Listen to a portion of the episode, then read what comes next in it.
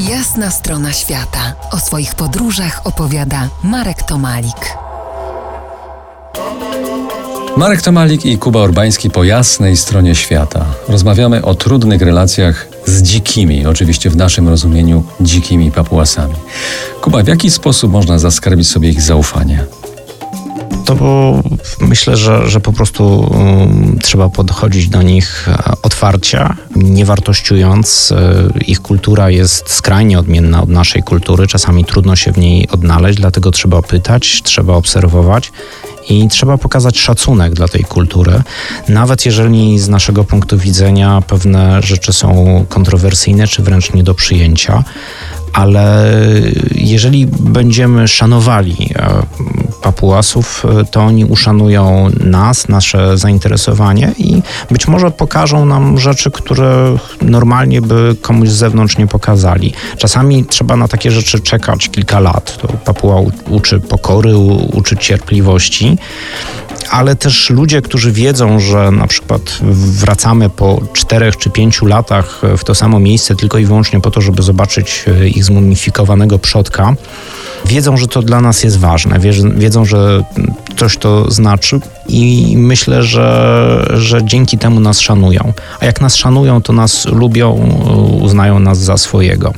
I to jest chyba naj, największy honor, jaki może człowieka spotkać, to znaczy być uznanym za, za powiedzmy prawie członka wspólnoty. Domyślam się, że także podobnie jak aborygeni, oni potrafią wyczuć nasze intencje. Na przykład, że pod maską przyjaznych uśmiechów gdzieś tam szybko zrobimy sobie z nimi selfie w tle. To zła praktyka, mm. bardzo zła, prawda? Bardzo zła, y, coś czego, czego nie lubię i, i, coś, co sprawia, że czasami ten aparat, oczywiście też robimy zdjęcia, ale czasami te zdjęcia robimy, nie wiem, rok później albo, e, albo wyciągamy ten aparat dopiero po kilku mm, dniach, w najlepszym wypadku po kilku godzinach e, od e, spotkania, bo przecież nie o to chodzi. Papuasi znakomicie wyczuwają nasze intencje i, i myślę, że to jest ich ten szósty zmysł. Myślę, że tutaj jesteśmy całkowicie bezradni. To jest jeszcze ta jedna z tych rzeczy, które myśmy gdzieś tam przez te kilkadziesiąt tysięcy lat e, utracili. Wprawdzie już o tym wspomniałeś, ale zapytam jeszcze raz. Przyznaj się, Kuba, ile czekałeś na zrobienie naprawdę satysfakcjonującego zdjęcia?